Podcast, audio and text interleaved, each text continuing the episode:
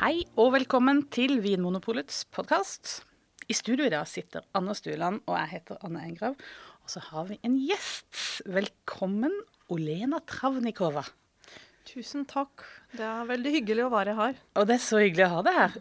Du er jo faktisk en polansatt som jobber på Ja. Drammen, eh, Bragernespolet. Ja. Eh, og det er jo en god grunn til å ha deg som gjest. Eh, en annen god grunn er at du er fra Ukraina. Og ikke bare er du fra Ukraina, men du har også jobba som vinprodusent, eller jobba med å lage vin i Ukraina. Mm, ja. Så vi tenker I at du tolv år. Faktisk i Ja. tolv år. ja, det var, det, det var, det var spennende. Spennende tolv år. Ja. Ja, så nå, vi skal benytte denne anledninga til å bli bedre kjent med vinlandet Ukraina. Og prøve å få et innblikk i uh, hva er det som skjer uh, der. Eller ikke akkurat nå, kanskje, men, uh, men hva er det som lages av vin, og hva er det vi kan liksom, forvente oss fra vinlandet Ukraina? Kan vi, tror du vi klarer det, Anders? Ja. Eh, jeg tror jo ikke det er så mange av de som hører på podkasten som har noe eh, nært forhold til ukrainsk eh, vin. Jeg har ikke det. Men jeg er jo veldig nysgjerrig på uh, disse vinområdene og disse vinlandene som ligger i, sånn i La oss kalle det randsonen av uh, av, uh, av Europa. Det er liksom, jeg tenker at de, de, Ukraina er jo et av disse landene som har holdt på med å lage vin lenge, men Ja. som likevel ikke har vært eh, så kjent for oss her i Norge. Og så syns jeg også det er deilig å kunne snakke om Ukraina uten at vi skal nødvendigvis gå så mye inn på krigen. Kan vi ikke si det? Jo. Kan vi ikke ta en liten pause fra den? Ja. ja, for Ukraina er mye mer enn det. Ukraina det er et stort og vakkert, vakkert land som har mye å by på. Både god mat og god vin. Ja, Så det er ikke bare krigen som definerer den. Nei. Det er et godt poeng. Skal vi zoome litt ut? Eh, skal vi dra ut i verdensrommet, holdt på å si? La oss begynne der. Eh, og eh, se litt for oss hvor er det Ukraina faktisk ligger hen? Eller eh, ja. Ja. Hvilke land eller eh, ja. Ja. Eh, ja, men som de fleste vet, at Ukraina grenser mot Russland og Belarus. ja. Men det er også Polen og um, Moldova og var det Romania. Og um, eh, den sørlige delen eh, ligger mot eh, Svarthavet. Svartehavet, ja. Svartehavet, Ja. ja. Og det er et eh, Er det et svart hav, eller er det et Hvordan ser Svartehavet ut? Nei, den, eh, den ser kanskje litt svart ut på vinteren. Og Mhm. jeg tror det er derfor eh, ble det kalt for det. Men eh, når det er lys, lyst og, og fint, eh, så ser vannet blått ut. sånn fint, og, fint og vakkert. Så det er nesten som Middelhavet på en måte? eller? ja, ja, ja på, på en måte. Ja. Ja. Et, eh, og, og du har jo sagt at på sommeren så blir det sånn type 25 varmegrader i vannet. Ja, ja. Det er sånn um, Vannet kan, kan bli like varm som melk fra en ku. Ja. Det er et fint bilde. uh, nei, uh, jo uh, Den sørlige delen er veldig solrik, og så det er veldig mange dager med sol. Og um, det kan bli veldig varmt på sommeren, og vintrene er milde. Ja, og det er Det kan blåse litt fra havet, og så det bringer eh, litt eh, både fuktighet eh, og kjører litt ned eh, temperaturen. Eh, ja. ja, for det er typisk at disse vinområdene, eller de, de områdene som ligger i nærheten av store vannmasser, blir eh, på, veldig påvirket av, av eh, sånn som Svartehavet. da. Ja, ja. Sånn, eh, eh, hvis vi snakker om eh, Krimhalvøya, øh, da er det Ja, for Krimhalvøya den går liksom ut i Svartehavet. Ja, ja. Så den grenser mot Svarthavet fra nesten alle sider. Eller Mm. alle sidene av Krimhalvøya er Eller grenser mot Svarthavet. Uh, ja, og um, det er mange vindmarker som overser eh, vannet. Eh, men det er også eh, fjell, eh, så man kan finne mange forskjellige steder eh, med, soleks med bedre soleksponering eller med skygge, avhengig av hva slags druer man ønsker til å dyrke, og hva slags viner man ønsker til å lage. Ja, for det er et stort land, så nå beskriver du liksom Krimhalvøya som Ja. ligger helt i syd, og, så, og så har du eh, Anders, du, du sjekker litt på sånn breddegrader, lengdegrader. eh, Ja. Kan du Eh, den, beskrive de, den, de sørligste delene av Ukraina, Odessa eh, og disse områdene, de ligger på samme breddegrad som, som den, altså de sørlige delene av Rhône, f.eks. Mm. I, i Frankrike. Mm.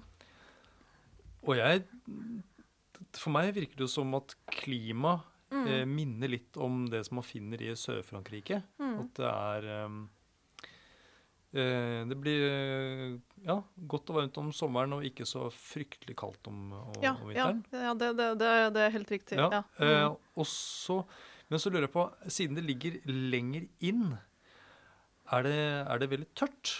Eller er det, kommer det nok nedbør for å få eh, liksom, plantene til å vokse? Um, den mest sørlige delen, igjen Krim, uh, den er veldig tørr. Den, uh, der er det veldig lite regn og uh, veldig tørt på sommeren. Eh, de mer, mer nordlige deler, som Odessa, Mykolaiv, uh, Zaporizjzja, Kherson, um, da er det litt mer regn, vil jeg si.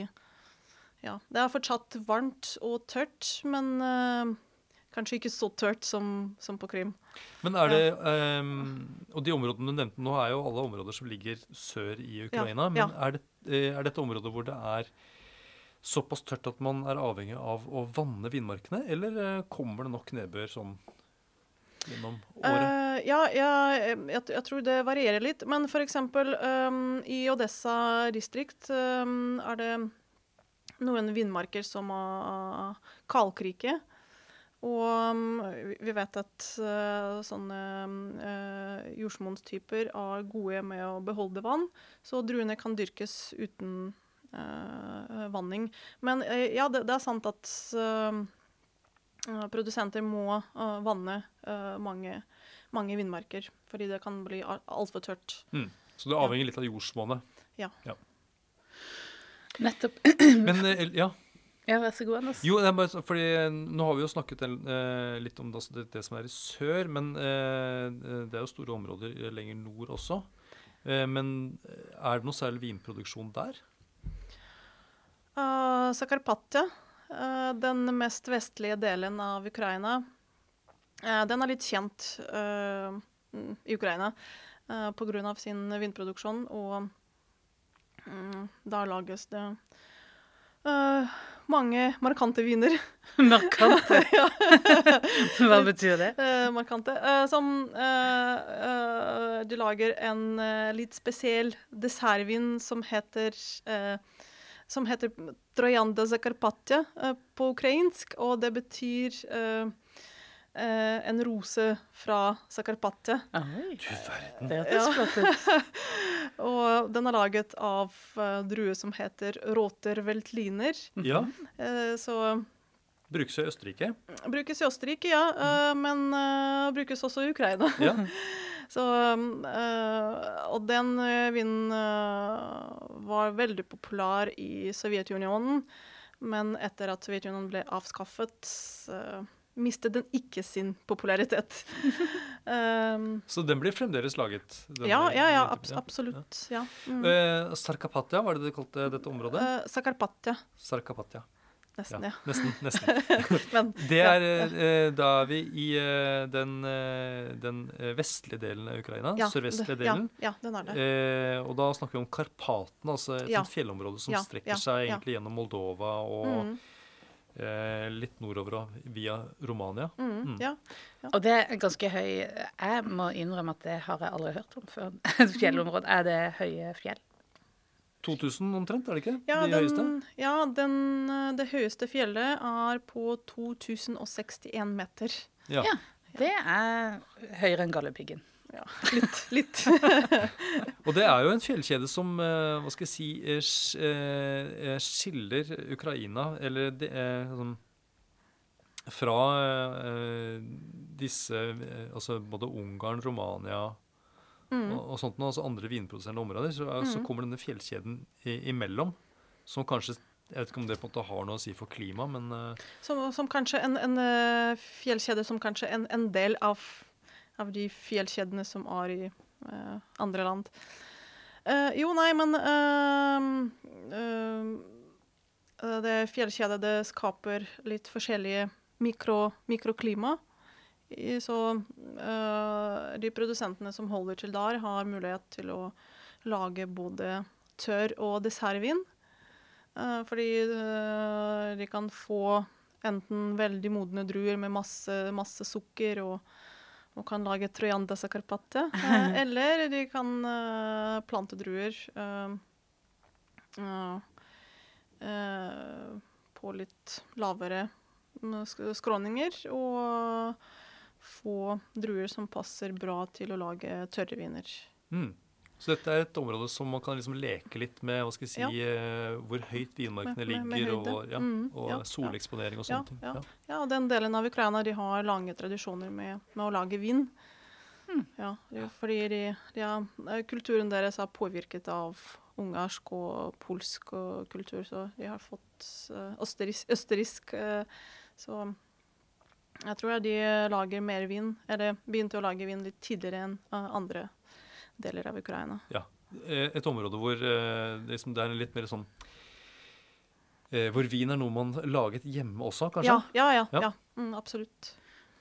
Ja, for hvordan er det egentlig med, med vinkulturen, hvis vi bare tar et lite sidespor? Vi, er, vi er ikke helt ferdig med vinregionen ennå, så men, Mm. men uh, hvordan er det med, med vinkulturen i Ukraina? Er det det man har liggende på lur hjemme, eller er det, hva er det som drikkes uh, rundt forbi? Ja, ehm, jeg tror at vindkultur vinkultur øh, utvikler seg. Og eh, trendene er kanskje like til trendene i hele verden. Så eh, folk skifter sine preferanser fra sterke, sterke alkoholrike drikker til eh, tørr vin, eller vin som passer til mat.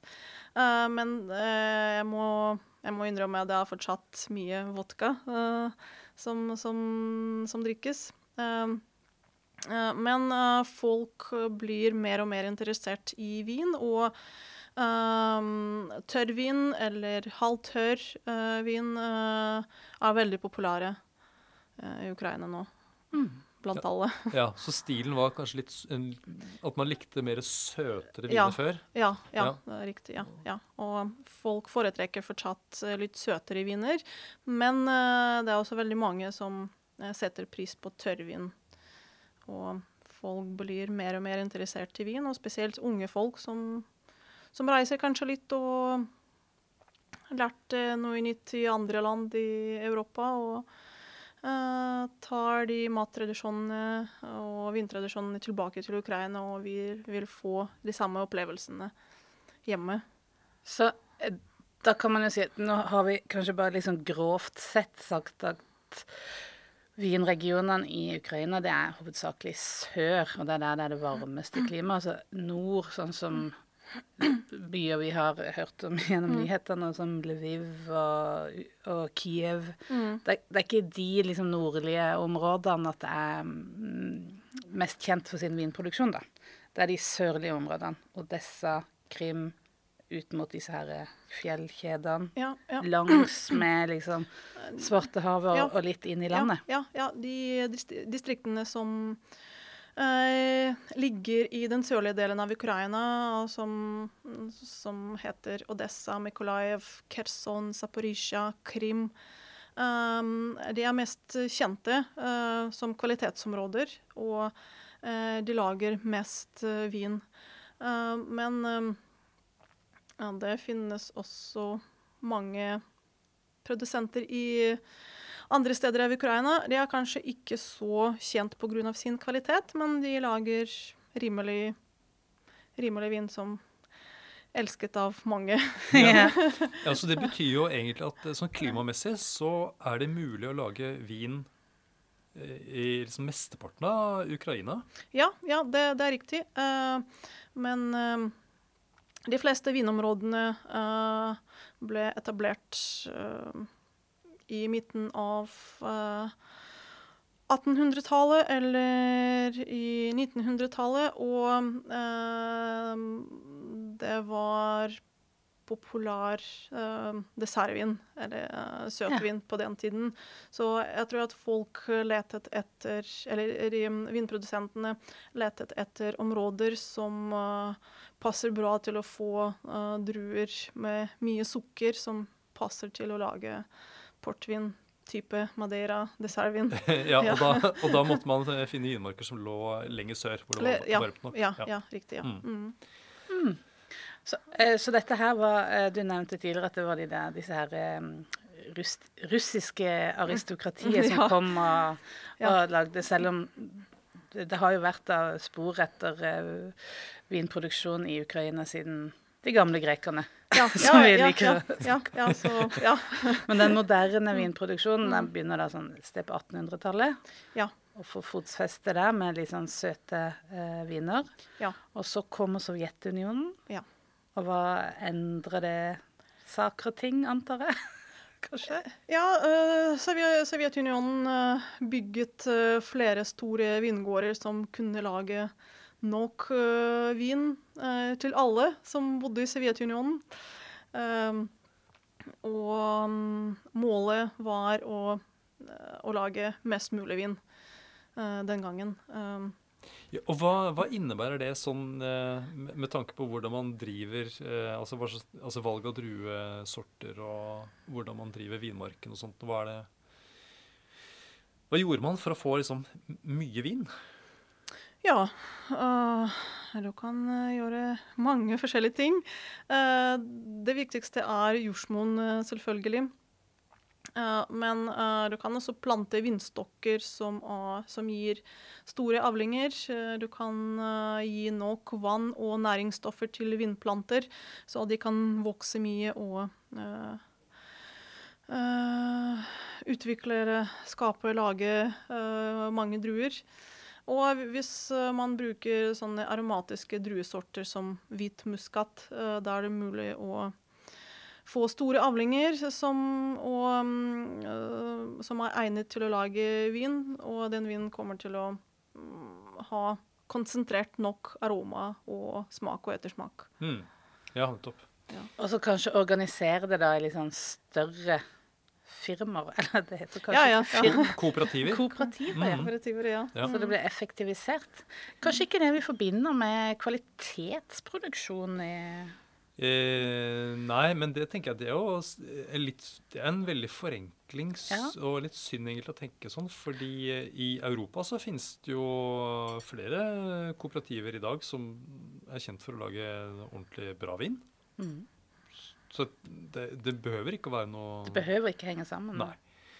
Men eh, eh, denne hva skal jeg si, eh, stor, stordriftstankegangen og at man skulle lage mye, eh, det, det deler jo liksom Ukraina Den samme typen historie har jeg hørt i, i Ungarn f.eks. Mm, ja. Så det er jo ikke noe som er som spesielt akkurat for Ukraina, men som er kanskje typisk for flere av disse eh, landene som, som produserte vin for Sovjetunionen. Ja, Ja. ja men eh, Sovjetunionen kunne ikke få vin fra Portugal, Spania, Frankrike, eh, Europa, europeiske land. Så eh, de måtte lære å lage alt selv.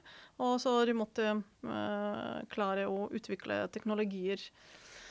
Um, så ja, så det var fokus på å uh, kunne, kunne lage alt selv. Uh, både portvin-type, Madeira, uh, musserende vin. Ja. Sovjetisk champagne het det den gangen. Og uh, tørrviner også, uh, som Bordeaux-type var veldig populær.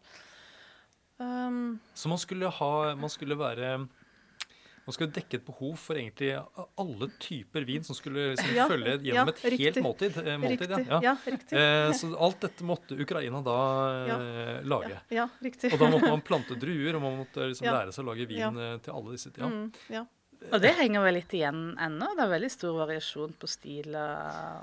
Ja, det, det er sånn eh, Jeg vil si at eh, det finnes eh, kanskje to forskjellige retninger, eller to forskjellige typer av vingårder i Ukraina.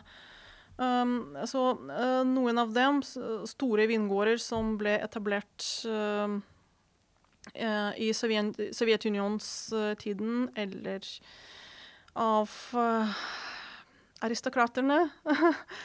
um, så de prøver å lage både rimelige viner, eh, men eh, de setter også fokus på eh, kvalitetsproduksjon. Og eh, det finnes også mm, noen eller mange små produsenter som er fokusert på kvalitetsproduksjon. Som ble utviklet for kanskje eh, 5-10-15 år siden. Nettopp. Så det er Ja. situasjonen i liksom, det liksom moderne Ja. liksom, eh, Ja. vinlandet Mm. Ukraina. Mm. At uh, man både har liksom, restene av uh, disse store produsentene, uh, Mm. også, men så har det også vokst fram flere Mm. små produsenter. Ja, Ja. ja. Og, du nevnte at det var eh, også et sånn statlig initiativ, da. At du i 2018 ble ja det, avgifter. Ja, så øh, Jeg husker ikke uh, årgang akkurat, men det var 2018-ish. Uh, ikke så lenge siden. Men uh, det ble avskaffet avgift for små produsenter. og de små produsentene kan nå selge sine viner uten å betale den store avgiften. Eh, og så eh, Det hjalp til utviklingen av mm, små, små produksjon. Og eh, hvis du er en liten produsent, da er du selvfølgelig fokusert på kvalitet. Um, og eh, det ble vedtatt uh, en eh, lov um, som setter begynnelsen, eller uh, Begynner det arbeidet med å Appellasjoner? Ja, ja, Mm. så, Ja, som, ja. som begynner arbeidet med appellasjoner, med å skape appellasjoner i Ukraina.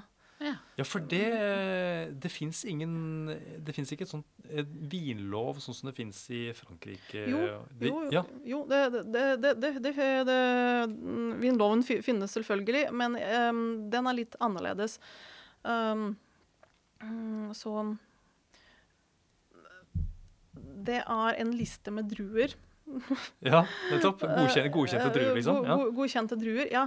Men um, vinloven setter ikke så store krav til eh, eh, grenser og appellasjoner og eh, Nettopp. en, enda. Men Så eh, sånn som i Frankrike, som det er veldig sånn tettmaska Ja, system, veldig sånn ja, detaljert regelverk, det, det er litt større ja, hull i det regelverket, kanskje. ja, Uh, ja. eh, så noen produsenter uh, driver med dette på sin egen initiativ.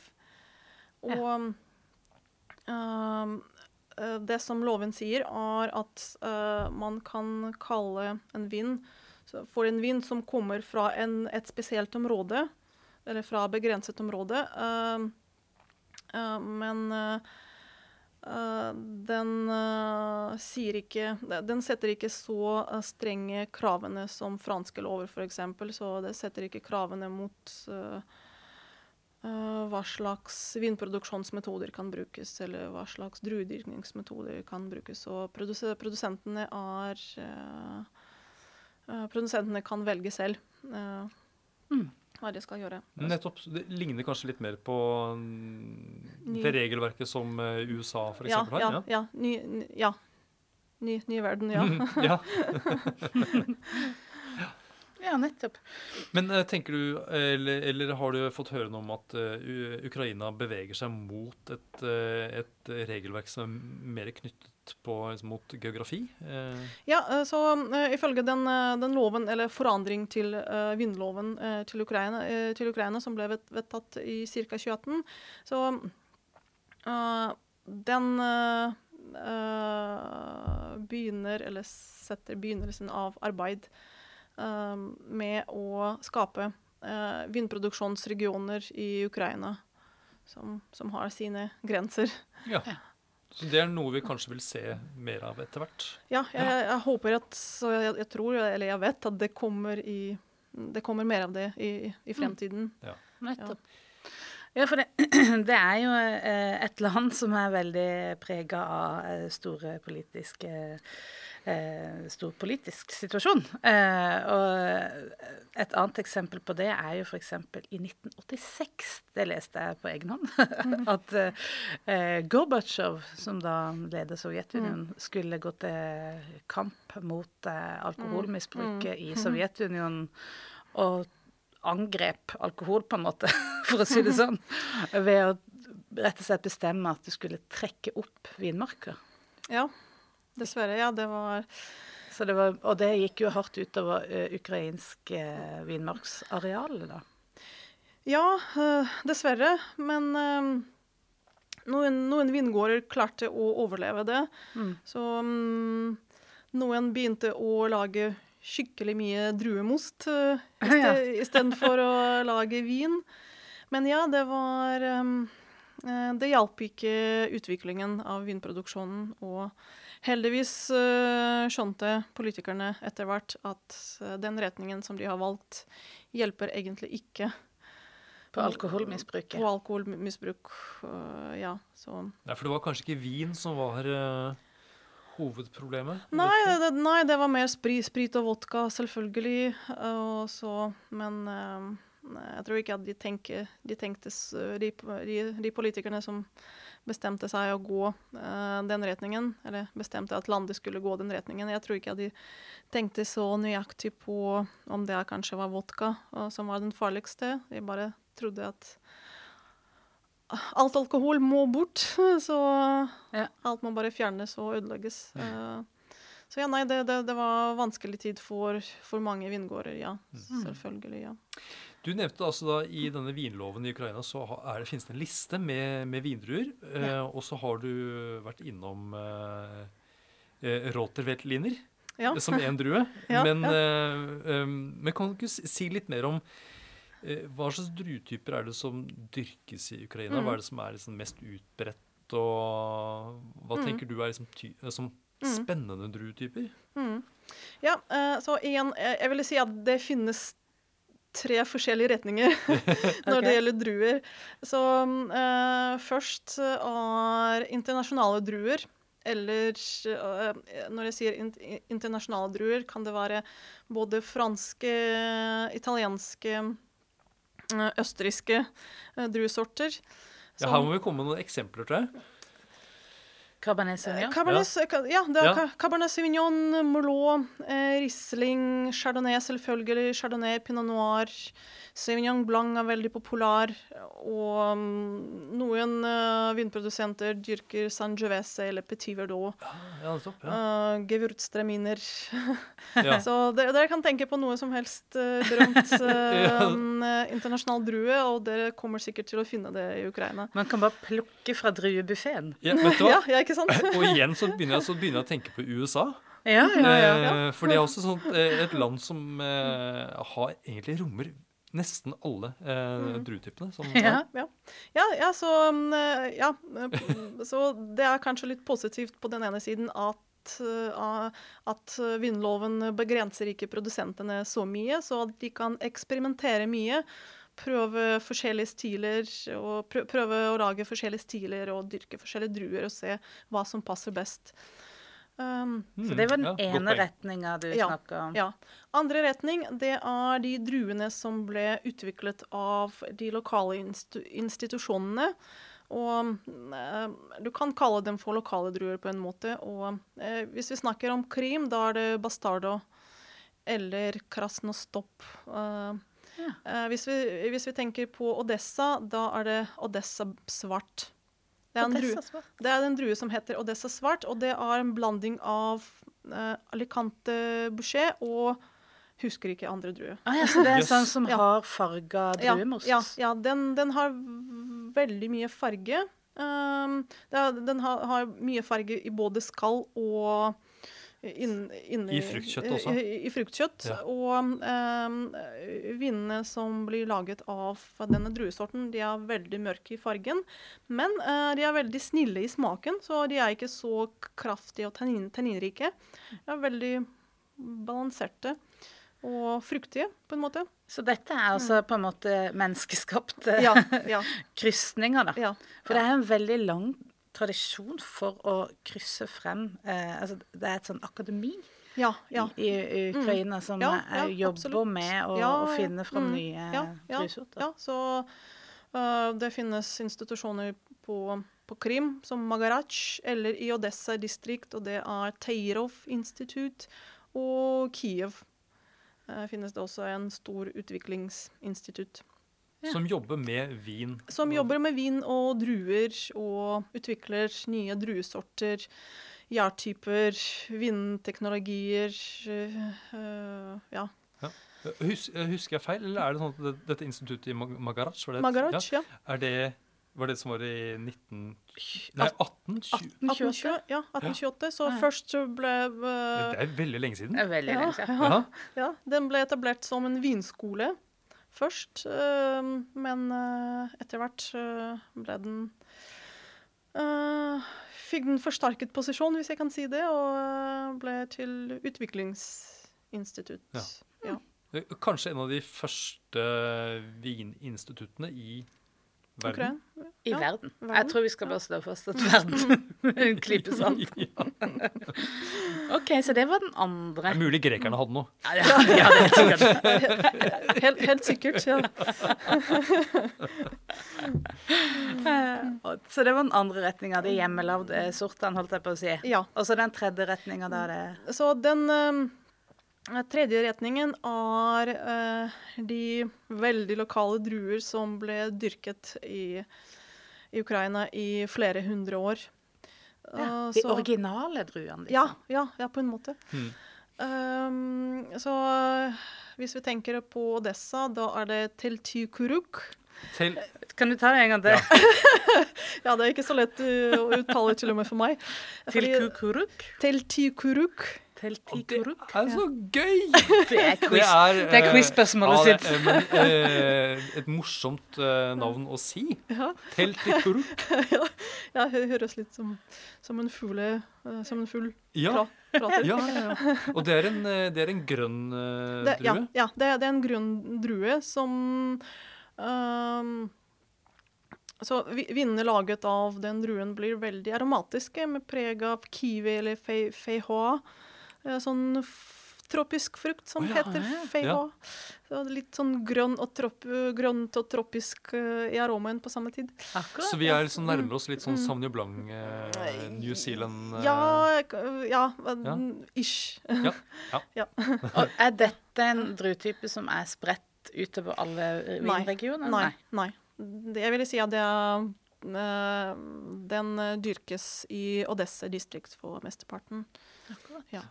Så um, andre region, regioner som Krim, eksempel, der er det eh, sånne druer som kokor. Kokor. Ja, Ja. Det, det er en grønn drue som ligner kanskje litt på chardonnay, aroma og smaksmessig. Um, og så svarte druer som heter Ekim Kara, Jivat Kara, Kefessia. er Gamle druesorter som ble dyrket der i flere hundre år. Som brukes fortsatt eh, til å lage en vin som heter eh, Svart lege. Svart lege? Svart ja, lege. Svart, svart lege, ja. Jøss. ja. Ja. Eh, ja, så um, Høres ut som en eh, kriminal eh, krim. Ja, nei, jeg, jeg, jeg tror at navnet kommer fra uh, Svart lege. Uh, svart fordi denne vinen er veldig mørk i fargen. Eh, og lege, det er fordi røde viner er sunne. Bra for helsa. Ah, ja, men, eh, men, men det som er liksom typisk for ting som man sier er sunt, er gjerne de tingene som også smaker litt vondt, eller som har på en måte et sånt lite snev av ubehag i seg. Er det, men, jeg, nå bare fa- fabulerer jeg. det er kanskje det norske sunnhetsbegrepet. Ja, ja, men, altså, men, eh, men disse, altså den svart lege, Ja. var det viner som hadde mye snerp, eller var det syre, eller på en måte hadde noen sånn type egenskaper som uh, uh, i sånn- den retning? Eller? Ja, Uh, så svartlege, det er en, det er en dessertvin. Oh, ja. Mørk, søt, fyldig, sterk dessertvin. Akkurat. Ja.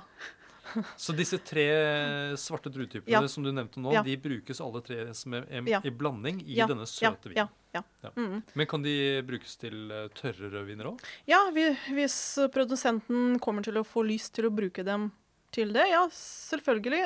Men den uh, svartlegevinen, eh, den, den er veldig berømt. Så jeg tror at produsentene foretrekker å uh, bruke disse druene til, uh, til den vinen. Men som sagt, uh, at um, det, det ikke finnes noen begrensninger, spesielle begrensninger for produsenter, så de kan eksperimentere. Og eh, tørre viner er veldig populære nå og blir mer og mer populære, så jeg tror det kommer til å skje mye utvikling her også. Mm.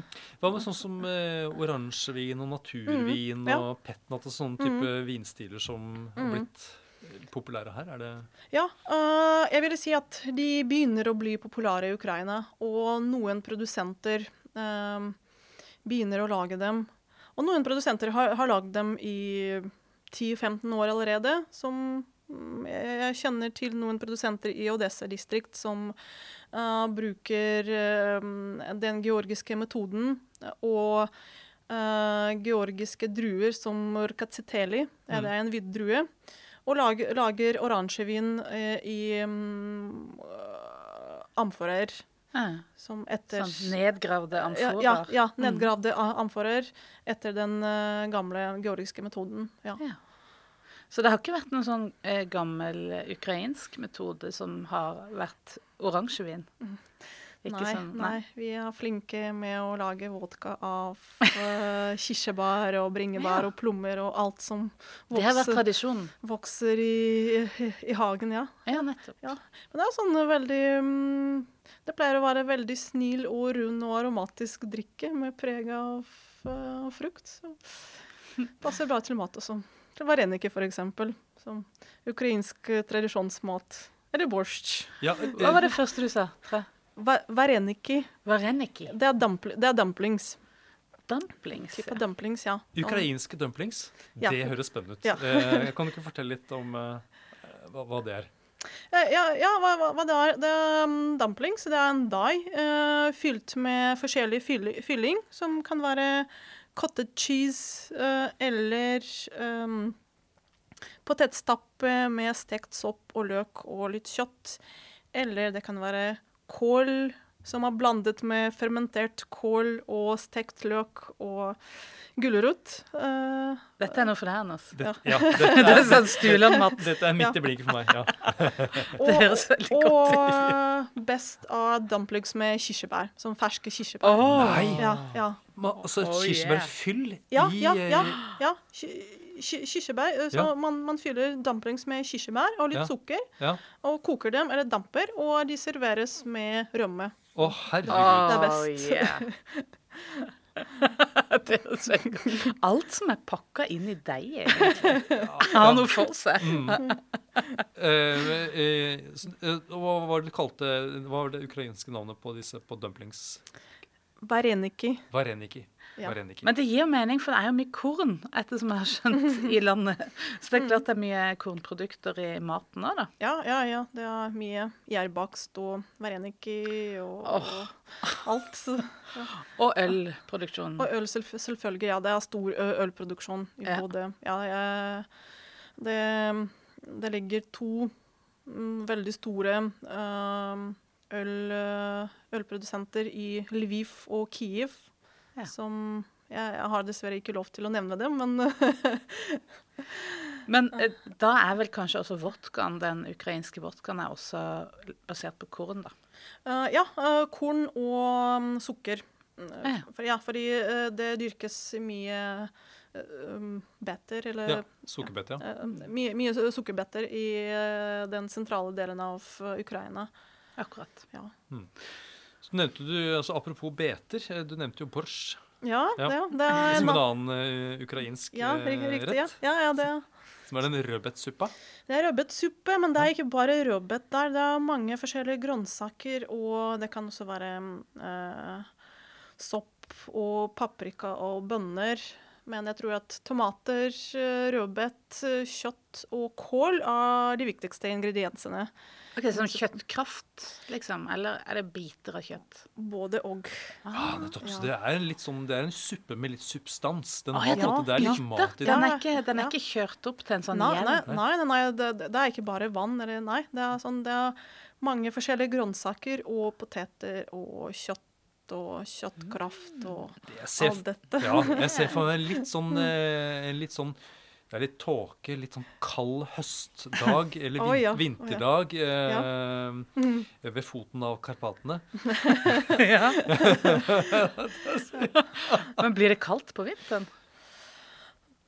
Det kan, bli, det kan bli det, ja, men det, det avhenger av området. Ja, for nært kysten så blir det sikkert ikke så kaldt som inne i landet? Eh, eller? Ja, riktig. Ja, nært, nært, kysten er det mye um, mildere. Og um, det er lavere temperatur på vinteren. Uh, men uh, når det gjelder uh, Kiev f.eks., eller Tsjernihiv, da kan det bli litt kaldere. Det kan bli opptil 20 kuldegrader. Um, det skjer ikke hvert år, men um, ja, det, det pleier å være ganske kaldt. Ja. Eh, S- ja. Ja, jeg må bare si at selv om ikke jeg har smakt en ukrainsk vin eh, i hele mitt liv, så, så føler jeg nå likevel at jeg har eh, ja, kommet litt nærmere, i hvert fall. Kommer litt nærmere. Jeg, jeg føler det er som å, å sitte med en sånn eh, Jeg har fått ferten på et sånn eh, skattkiste, og vet at oppi her er det veldig mye forskjellig. for det er det som jeg sitter igjen med, at det er en enorm bredde. Ja. Og, og denne her eh, dreininga altså Det er kanskje også verdt å nevne at Krim er kanskje den delen av Ukraina som har hatt størst vinproduksjon, ikke sant? Sånn ja, mm, mest vin. Så etter annekteringa i 2014, så har jo det også ført til at totalt sett har da vinproduksjonen i Ukraina gått ned. Ja, det, det, er en stor, det er en stor del av land til å miste, Ja. eh, selvfølgelig. Um, Og der var det også kjent Altså det var veldig mye, eller er veldig Mhm. mye eh, søte viner og halvsøte viner som ble lagd der. Så sånn jeg har forstått det, så har det også den annekteringa dreid enda mer den retninga mot de mer sånn halvtørre, tørre vinene i resten av Ukraina. At det liksom går enda mer den retninga. um, ja, jeg, jeg vil si både og. Um, fordi på Krim uh, lagde vi ikke bare sterke, sterke søte dessertviner, men det var, det var alt. Ja. Igjen samme som i Ukraina, så det var både musserende vin og det er noen vingårder som lager kun tørre viner. Og så det er eh, også noen vingårder i Sevastopol-området eh, som er kjente for sine tørre viner, fordi igjen, det er kalkholdig jord, som eh, er veldig bra for chardonnay eller pinot noir, uh, pinot meunier. Um, Så det er mye musserende viner, som jeg har sagt allerede. Uh, men ja eh, Det som jeg husker, er at vi uh, solgte våre viner i, i Ukraina. Så det var nesten bare uh, En liten andel ble eksportert, men mesteparten ble solgt i Ukraina. Så Og det skjer jo ikke lenger. nei, det skjer ikke lenger. Nei. Uh, Ja, ja, det er jo det er tøft tak. Men eh, hvis vi knipser i fingrene, og så har vi fjerna eh, krigen. Sånn kan vi nemlig gjøre her i dette rommet. Da eh, kan du spå hva eh, retninga for ukrainsk vinindustri Hvor går, eh, Mm. hvor går historien, holdt jeg på å si? Fremtida.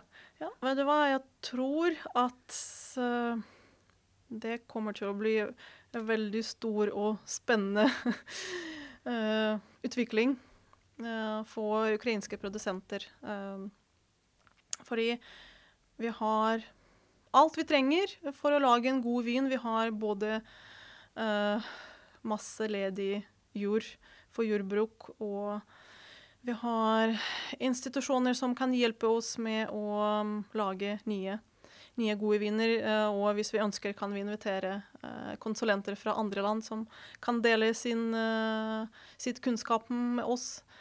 Um, det kommer også flere og flere unge folk som er interessert i nye produkter og nye og kvalitetsviner. Så jeg, jeg, tror det kommer til å bli mer utvikling i retningen uh, med naturviner eller oransje viner. Um, som blir mer og mer populære. Samme, samme kanskje som i, uh, verden, i hele verden. Men disse trendene kommer til Ukraina også. Mm.